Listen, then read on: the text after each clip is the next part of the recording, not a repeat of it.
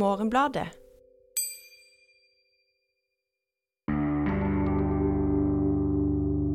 Er det noe med liksom, Når du da skildrer naturtalent som veien ut av nød og elendighet, så blir det liksom en like tilfeldig faktor som, som penger, da. Eh, om du får det bra eller dårlig.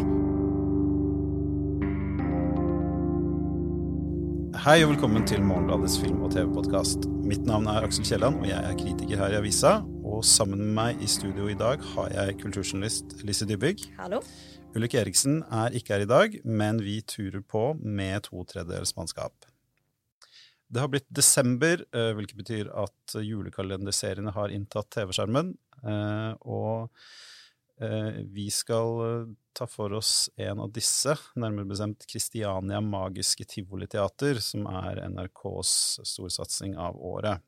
Eh, Denne serien utspiller seg på starten av 1900-tallet i eh, hovedstaden som da het Kristiania, eh, og handler om klassesamfunn, outsidere og viktigheten av virkelighetsflukt og samhold i et Norge før eh, middelklassen og velferdsstaten. Serien låner ubeskjedent fra kjente bøker, serier og filmer. Kristiania Magiske Tivoliteater er Peter Pan i Pipevika, H.C. Andersen på Akershus festning og Charles Dickens i Digerstaden. Elise, kan du forklare uh, hva slags serie dette er, hva det handler om, hvem vi følger? Alt, alt, eh, alt det flotte der. Jo, uh, i denne serien så treffer vi jo på en gutt som heter Luca. Og han bor sammen med faren sin i en fattig del av Oslo. Moren, skjønner vi, hun døde for et par år siden. Og for Luca så går dagene da til å prøve, i starten i hvert fall, prøve å unngå en slags halvkriminell barnegjeng som vil ha han med seg på, på å stjele, og eh, skaffe middag til faren, da, som, som eh, driver med hardt fysisk arbeid hele dagen og kommer hjem eh, sent på kvelden og er veldig sliten. Så en dag så klarer han å komme seg bort, eller snike seg inn på et sånn tivoliteater som ligger ganske tett ved der han bor, og blir da med en gang superbetatt av scenemagiens eh, kraft og barnene som treffer på i dette teateret, som da viser seg å være en sånn kreativ gjeng av foreldreløse barn som finner veldig fort eh, sammen med de. Og i kulissene, eller litt lenger opp i eh, samfunnshierarkiet, så eh, viser det seg at det er en eh, svært materialistisk overklassekvinne og mor, eh, som møter henne og hennes datter. Og det viser seg jo da at disse, disse eier teateret, og de har da etter hvert alt å vinne på at det går dårlig med Tivoliteatret.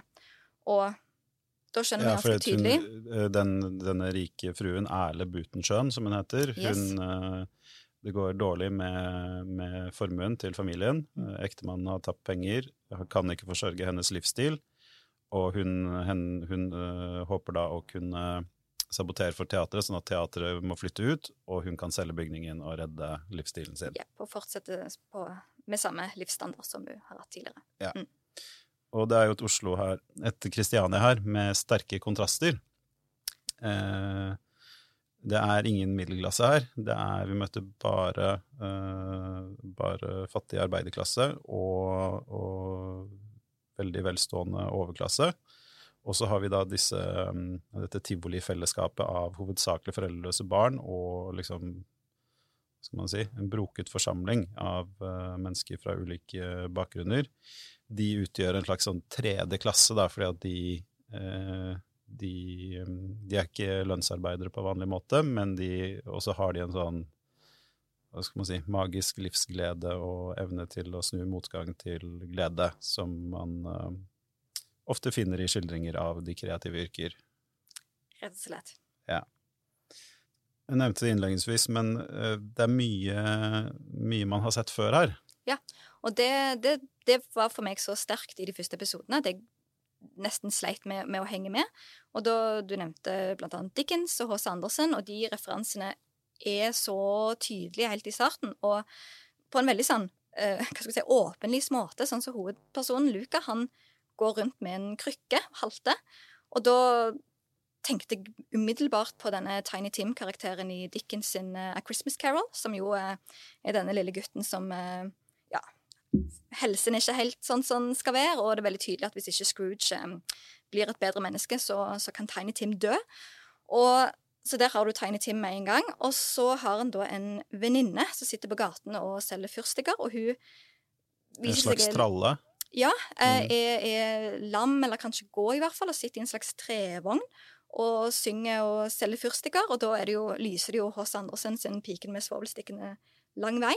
Sånn at eh, Og det Jo, en skal jo på en måte Det er jo kanskje det en sånn julekalenderserie gjør, at en tar i bruk alle disse referansene fra andre annen julekultur, da, men at de ligger, legger seg så tett på uh, disse kjente julefortellingene, lurer jeg på er det noe de skal bruke eller gjøre noe med etter hvert, eller er det bare vi bruker det, vi går for det og holder oss helt tett inntil det vi har sett eh, litt for mange ganger i eh, andre sammenhenger. Ja, jeg fikk ikke Altså, vi, vi har jo sett tolv episoder av totalt 24. Uh, og jeg tror begge var overraska over hvor greit det gikk. Det føltes som plikt da vi satte i gang med det. det det ja. Så det er jo en underholdende serie, men jeg har ikke noe, har ikke noe forhåpninger nå midtveis om at dette skal være en eller annen sånn lang eh, eller stor metatekstuell analyse av troper i vestlige eh, julefortellinger.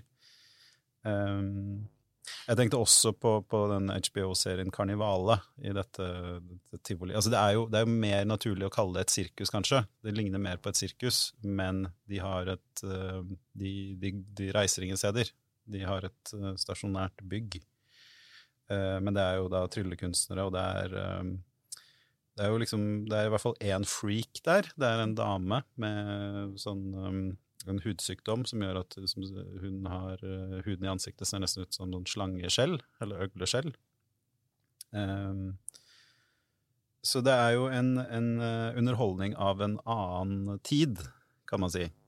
Definitivt. Og det slo meg òg når jeg begynte å se serien. For det er jo helt klart at når du ser en eller skal vurdere en film eller serie eller bok, eller hva det nå enn er, så må en jo på en måte ta utgangspunkt i hva er det jeg har å gjøre med når det gjelder sjanger, eller um, ja, hva, hva, type ting har kommet før. Og da begynte jeg å tenke på julekalenderserien som sjanger. Um, og hva er det egentlig den skal levere på? Hvordan kan en si at yes, dette fungerer, eller dette var litt halvveis? Mm. Den skal ha 24 episoder. Yes. Ja. Det er mye gjort, har jeg inntrykk av. Ja. Eh, altså, jeg er ikke noe, jeg noe begeistra for sjangeren selv. Jeg har ikke Jeg tror ikke jeg har fulgt en julekalender siden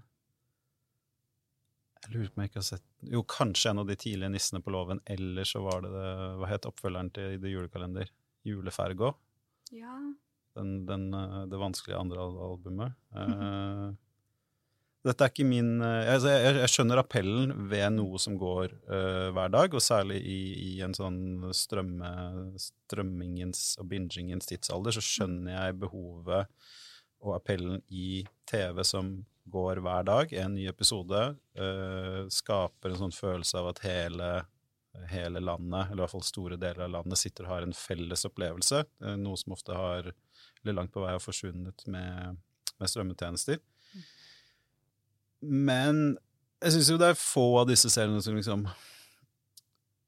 Som holder en kvalitet uh, utover det rent sånn Utover det, da. Det sosiale. Så hun ville ikke satt seg ned og sett eh, Jeg ville ikke det. Men jeg har ikke barn, og, jeg, har ikke, og jeg, tror, jeg tror det er viktig når man forstår for å forstå begeistringen for, som man har sett rundt veldig mange av de NRKs um, julekalendere de siste årene. Uh, jeg husker særlig jeg irriterte meg da alle voksne mennesker begynte å snakke om hvor ufattelig bra julekongen var. Så Hvorfor var det en uh, kilde til irritasjon? Uh, nei, altså det, det skal ikke så mye til ofte, da. Så, så det er ikke noe, så eksepsjonelt. Men det var, det var den derre uh, Jeg syns ikke alle tok høyde for at det man snakka om, var dette var bra, til å være noe du måtte se fordi barnet ditt satt og så på det. Eh, og det, det vil jeg også si her, at det, det er ikke noe sånn Det er ingen som trenger å lete opp denne serien for, for kvalitetens skyld, men hvis man først skal liksom ha noen eh, hjemme som insisterer på å se det, så kan man bli utsatt for mye, mye verre ting.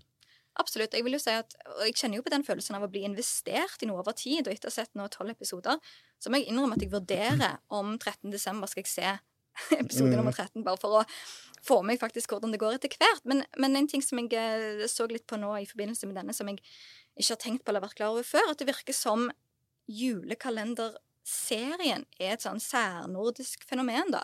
Eh, sånn som jeg forsto det, så første serie kom i Sverige i 1960. Og siden så har det finnes det både på radio og TV i eh, mange ulike land, og det har vel vært først og fremst orientert mot barn, og så siden vel Nå skjønner jeg jo først og fremst det er den norske eh, konteksten, så fra 90-tallet og utover så har en jo òg fått julekalendere for voksne, eh, sånn at en har liksom fått to, to parallelle løp der en kan kjøre. Mm. Eh, det slo meg nettopp at det kan jo være en grunn til at dette er et nordisk fenomen, er at vi er eh, relativt sekulære til å være kristne, men også veldig opptatt av jul. Mm. Eh, det har jo altså både sånn kulturelle, men også geografiske årsaker. At det blir mørkt her oppe, og jule, julefeiringa blir veldig viktig. Og man får kanskje en annen, uh, annet forhold til uh, jula enn en steder der det er veldig kristent og veldig fokusert bare uh, julaften eller første, første juledag. Mm. Ja, for det slo meg òg jeg tenkte sånn, hva er det en juleserie skal levere på? Og da er det jo at den skal bygge opp en veldig sånn varm og lunefull forventning mm. til at det blir jul. Og her, sånn som i denne, den nye NRK-serien, så får du òg en sånn små drypp av Og det blir stas når det blir jul, og, og julefest ja, Men så skal det også trues. Det skal være en trussel. Ja, det skal være en trussel mot det, men òg at den juleforventningen den skal ikke være religiøs på noen selvs måte.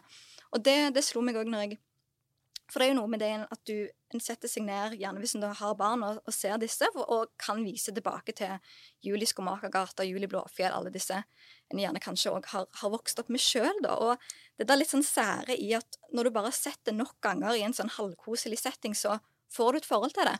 Eh, for jeg fant denne islandske julekalenderserien fra 1990, så den er jo nesten virkelig vel religiøs igjen, men den heter da 'I mm. et badekar til Betlehem' og handler om to åtteåringer som i et badekar skal dra til Betlehem for mm. Jesus gull, røkelse og myrra. Og enda særere blir det fordi at disse to eh, åtteåringene de blir spilt av voksne skuespillere. Sånn at når du bare ser sånn enkeltbestanddelen, så tenker du Jesus, hvem setter seg ned og ser på dette? Men, og visstnok er dette i dag en sånn kultserie i Island, da til de som har sett han siden han kom da i 1990. Sånn at det, bare ved gjentagelse og den der ritualiseringen da av den TV, 20 minutters TV-tittingen i desember, eh, ja. eh, så kan en bygge opp eh, ganske mange serieprodukter ut ifra det, rett og slett. Ja, vet, eh, Apropos det rituelle, det har jeg tenkt på at det nærmeste vi kommer, er påskekrim, som også er et eh, om ikke Det er jo det er vel et relativt norsk, særnorsk fenomen. Eh, som har å gjøre med vår unikt eh, lange påskeferie. Eh, men den er sjelden låst til dagene på like sterk måte som, som julekalenderen er. Og, da, og da, det gjør at julekalenderen får en veldig, altså blir veldig tett integrert i den daglige rytmen og i eh, publikums egen bevegelse mot jul. Um, og det skjønner jeg også. Altså det er jo en god, god formel for å lage um, for å lage TV. Eh, og det, liksom, det oppskriftsmessige er jo en del av appellen. Du vet, du vet, hva denne serien har tenkt å gjøre. Kanskje ikke hvis du er et lite barn, så tror du kanskje at ikke det blir jul. Men hvis du er over åtte år, så, så, så skjønner du at det sannsynligvis blir noe i år også. Og da tenker jeg at i Dickens og H.C. Andersen-referansene har jo ikke noe å si hvis du er fem. Um, Nei, du er og... ikke lei ennå. Nei. Nei. Sant, så, så, det går, an, går ennå an. Um, men, men, det er jo sånn som du sier, at for, for, det er jo interessant å tenke hva er det som skiller liksom, de seriene som skal være for barn, versus de som skal være for voksne. Og det er jo helt klart at jo da, vi skal ikke ha noe religiøst budskap, men i barneseriene så er det jo en slags pedagogisk ja. tråd som ligger i bunn, og gjerne en sånn Det skal være noen gode verdier som om nestekjærlighet og solidaritet og ja, at det lønner seg å være grei. Hvordan gjør Kristiania Magiske Tivoliteater dette? Det gjør han jo først og fremst ved å sette opp et veldig sterkt skille mellom de som har, og de som ikke har. Uh, stort sett, med, med denne hun overklassekvinnen som da jo veldig fort tegner seg ut til å bli den uh, store skurken her. Hun har jo en datter som uh, jo òg flasker opp på ting og tanken på enda mer ting. Mens Luca, han er jo først og fremst opptatt av hva er han opptatt av? At, trylling. Trylling. Ja. Han er veldig altså det, Hvis man skal komme med en kritikk, eller en av kritikkene man kan komme med rette mot serien, er at han er litt uh, Hva skal man si litt blank. Er litt, det er litt lite der. Han er bare gode hensikter og vanskelige omstendigheter.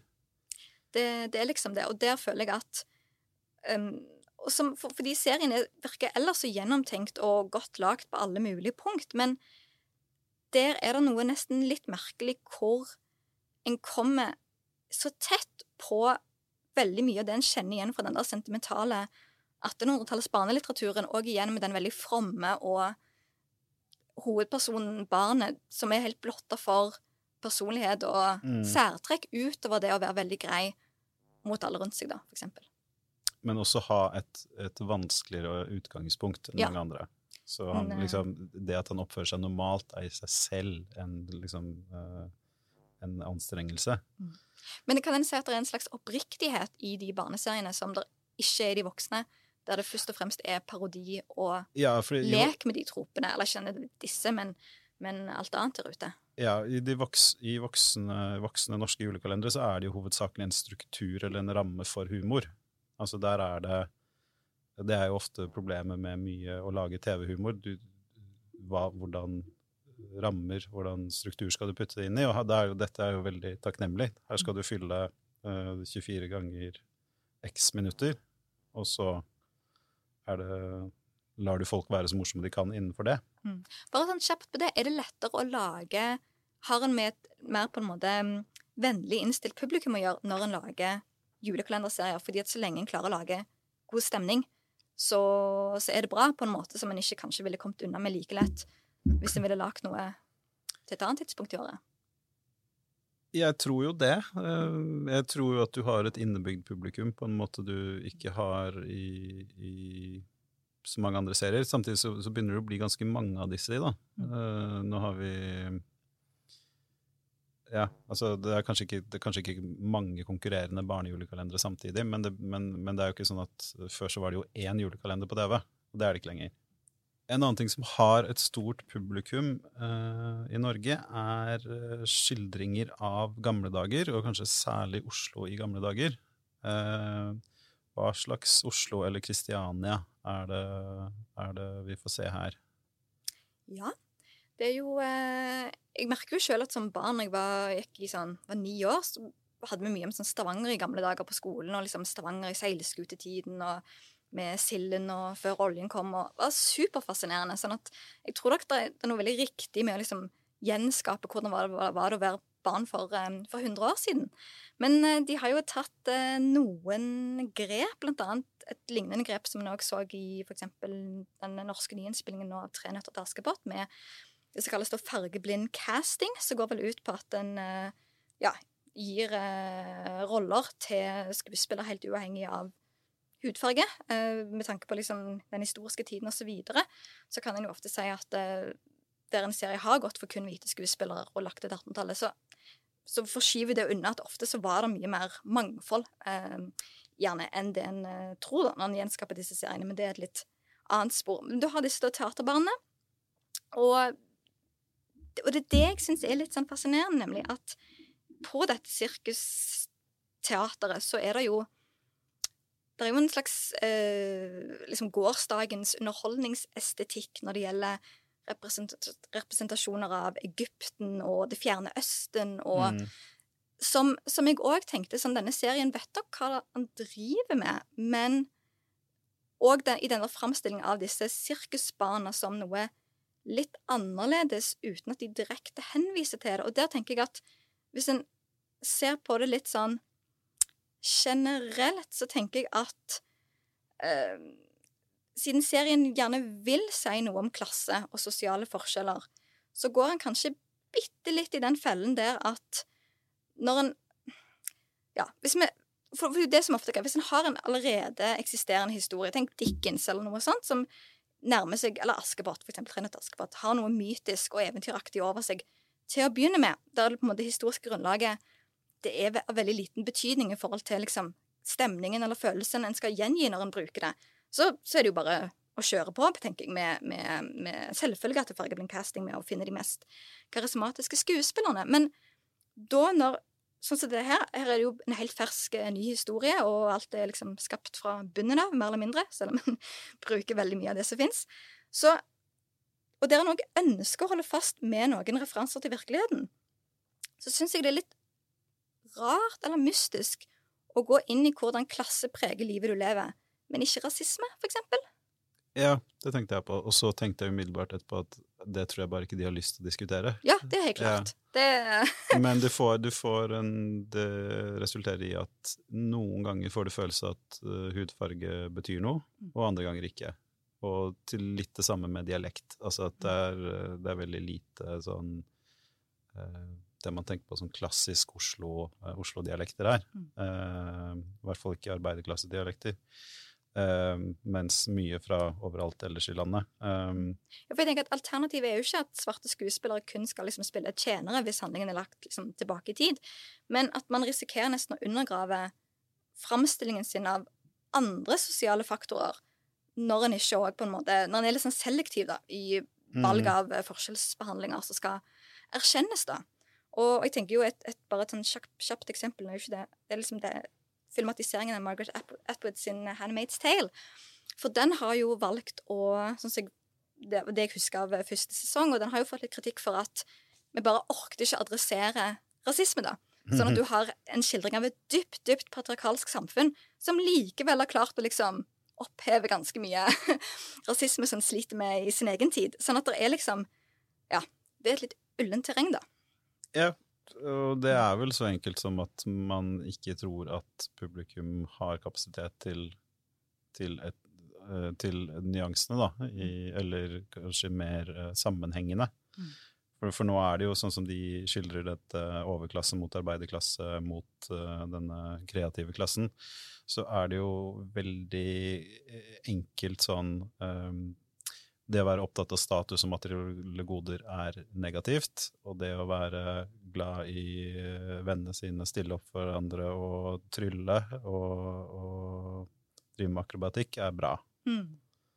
Um, og jeg blir sittende og tenke en del på uh, hvordan dette spiller inn i Jeg mener jeg har sett en trend nå eh, i, i, i TV-serier hvor du får en sånn eh, metaforisk eh, forherligelse av TV-serier via skildringer av viktigheten av virkelighetsflukt i s- eh, verdener som, ligger, som, ikke, som ligner, men ikke er lik vår egen. Jeg har begynt å se den HBO-serien Station Eleven nå, som handler om en sånn omreisende eh, teater- og, og musikktropp i en postapokalyptisk fremtid. Uh, hvor du får også følelsen av at de sitter liksom og peker og sånn, ja, men du skjønner, du skjønner hvem som er disse i dag, ikke sant? Det er, det er NRK, det er Netflix, og det er liksom det gode fellesskapet foran TV-en. Det, og det er noe veldig interessant med denne seriens liksom, nostalgiske framstilling av showbusiness. Og som i, altså når du kommer inn her og setter deg ned i salen, eller er en del av eh, ensemblet, så liksom glemmer du alle sorgene dine, og eh, det òg blir også framstilt som en sånn reise ut av sin egen ulykkelighet, hvis en har da et talent og kan framføre på, på en scene, sånn som Luca, da, som har denne tryllingen. Men det, den, det er òg en sånn tropen kjenner igjen fra veldig mye sånn barnekultur, at liksom du har denne litt um, grå hovedpersonen, men som brygger på et stort talent, og så bare får en scene, og så blomstrer den. Og det blir jeg alltid litt ubekvem av, fordi at, og særlig i en sånn serie som dette, som òg gjerne vil kritisere um, ja, penger, da, og liksom at, at det er ikke naturlig at eh, de som har penger, har gjort seg fortjent til å ha de pengene. Så er det noe med liksom, Når du da skildrer naturtalent som veien ut av nød og elendighet, så blir det liksom en like tilfeldig faktor som, som penger, da, eh, om du får det bra eller dårlig.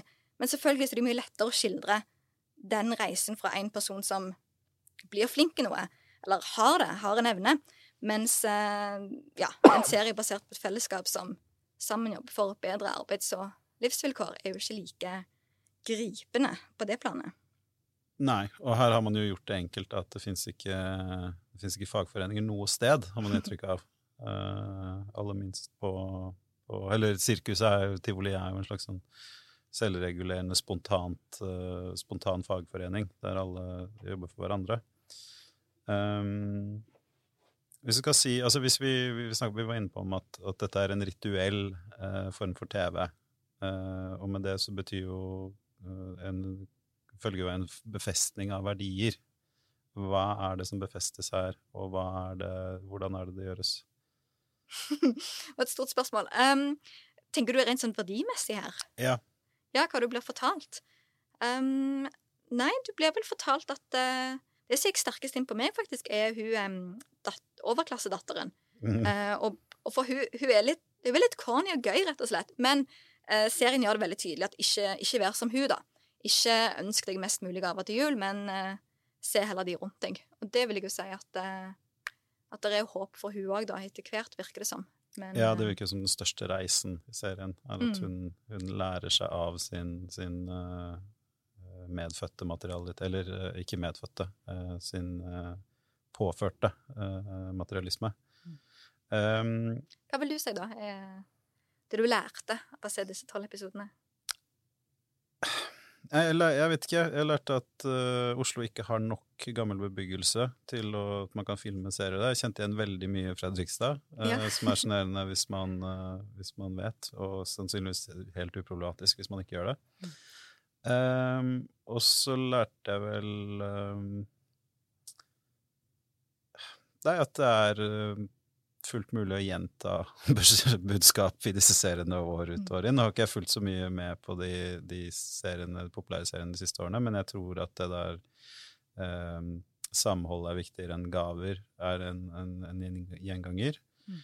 Og jeg tror også at uh, aksept for um, de som er annerledes. Og det er jo, det er jo kanskje liksom kjernen i dette tivoli-fellesskapet, da er jo uh, at det er en veldig aksept for alle som kommer. Eh, Og, de er, uh, og det er ikke, men det er, det er ikke bare et sånt stakkarslig fellesskap for taperne og de som ingen andre vil ha. Det er et sånt, altså det er en styrke da i den annerledesheten og, og det fellesskapet, og det er jo gode, gode budskap, det. Um, ja. Tror du eh, voksne eh, mennesker kommer til å skryte like mye av denne som de gjorde av Julekongen og Snøfall? Det, er, det kan godt være. Jeg har jo sett at han har fått ganske gode kritikker eh, de fleste steder så langt. Men det føles jo Jeg er litt sånn i tvil om dette er en sånn ehm, Om man er så gøy for barn. Nå har jeg dessverre ingen barn å teste serien ut på. Ja, det er jo en svakhet ved de deltakerne her Ja. i dag. Ja. Sant. ringen uh, kildegrunnlaget er litt sånn halvveis. Men, men, men nettopp at han har den der litt sånn nostalgiske 1800-tallets julesettingen at Sånn som jeg i hvert fall har sett disse dager, jeg har sett litt foreldre spørre på sosiale medier om hva, hva skal vi se i år. Fordi Mm. det er jo en sånn forskjell fra når jeg sjøl liksom var barn. Da jeg husker hvor stort det var når Juli Blåfjell var nytt. og liksom at Ellers så fikk du den kjælenyheten om nei, det er den serien de sender i år. Sånn, den likte jeg jo ikke.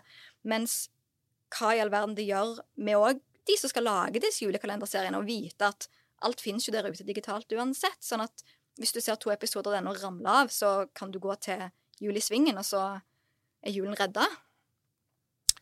ja. eh, det var en eh, herlig tid da man ikke hadde noe valg. Eh, og jeg tror uansett hvor mye, hvor mye julekalenderen er et forsøk på å bringe oss tilbake til en sånn tvungen linearitet, eller, eller linearitet, en tvungen uh, samtidig felles publikumsfellesskap, så, så gjør de jo ikke det hvis ikke serien her slår an. Uh, det kan det godt hende at det gjør. Jeg tror ikke jeg kommer til å se de siste tolv episodene nødvendigvis, men Jeg har ikke bestemt meg helt ennå, så det kan godt være. Um, det var det vi hadde om Kristiania Magiske Tivoliteater. Men har du en anbefaling? Ja. Noe annet? Kanskje noe for voksne? Noe for voksne, og som ikke har med jul å gjøre, til og med. Uh, Dette er da en eh, dokumentarserie som jeg begynte, så første episode av i går, som går på Discovery, og som heter Metoo bak kamera. Så en dansk dokumentarserie der eh, ansatte og tidligere ansatte i danske TV 2 forteller om den sexistiske kulturen som har preget TV-kanalen de siste 20 årene. Eller den ser særlig på liksom eh, fortiden. Og sjøl, som føler jeg jeg har ganske god peiling på metoo i Norge, og særlig metoo i Sverige, og ikke skjønt helt hva som har vært greien med metoo i Danmark, så syns jeg at den eh, gjør en så langt veldig god jobb på å ja, skildre den litt sånn særegne, kanskje danske kulturen, og hvorfor denne dokumentaren kanskje ikke i det hele tatt kommer nå, da, for den er basert på en sånn advokatundersøkelse som ble satt i gang etter Danmark, da, etter mange år etter Norge og Sverige begynte å, å snakke for alvor da, om metoo. Så anbefales. Jeg tenkte jeg skulle anbefale et knippe barneserier som er bedre, uh, og bedre for voksne, enn en Christiania Magiske Tivoliteater. Det er britiske Children of the Stones, som er en uh, fantasyserie fra 1976 om en by som ligger inni en steinsirkel. Uh, hvor det skjer mystiske ting, spilt inn i Avebury, som er et ekte sted i England.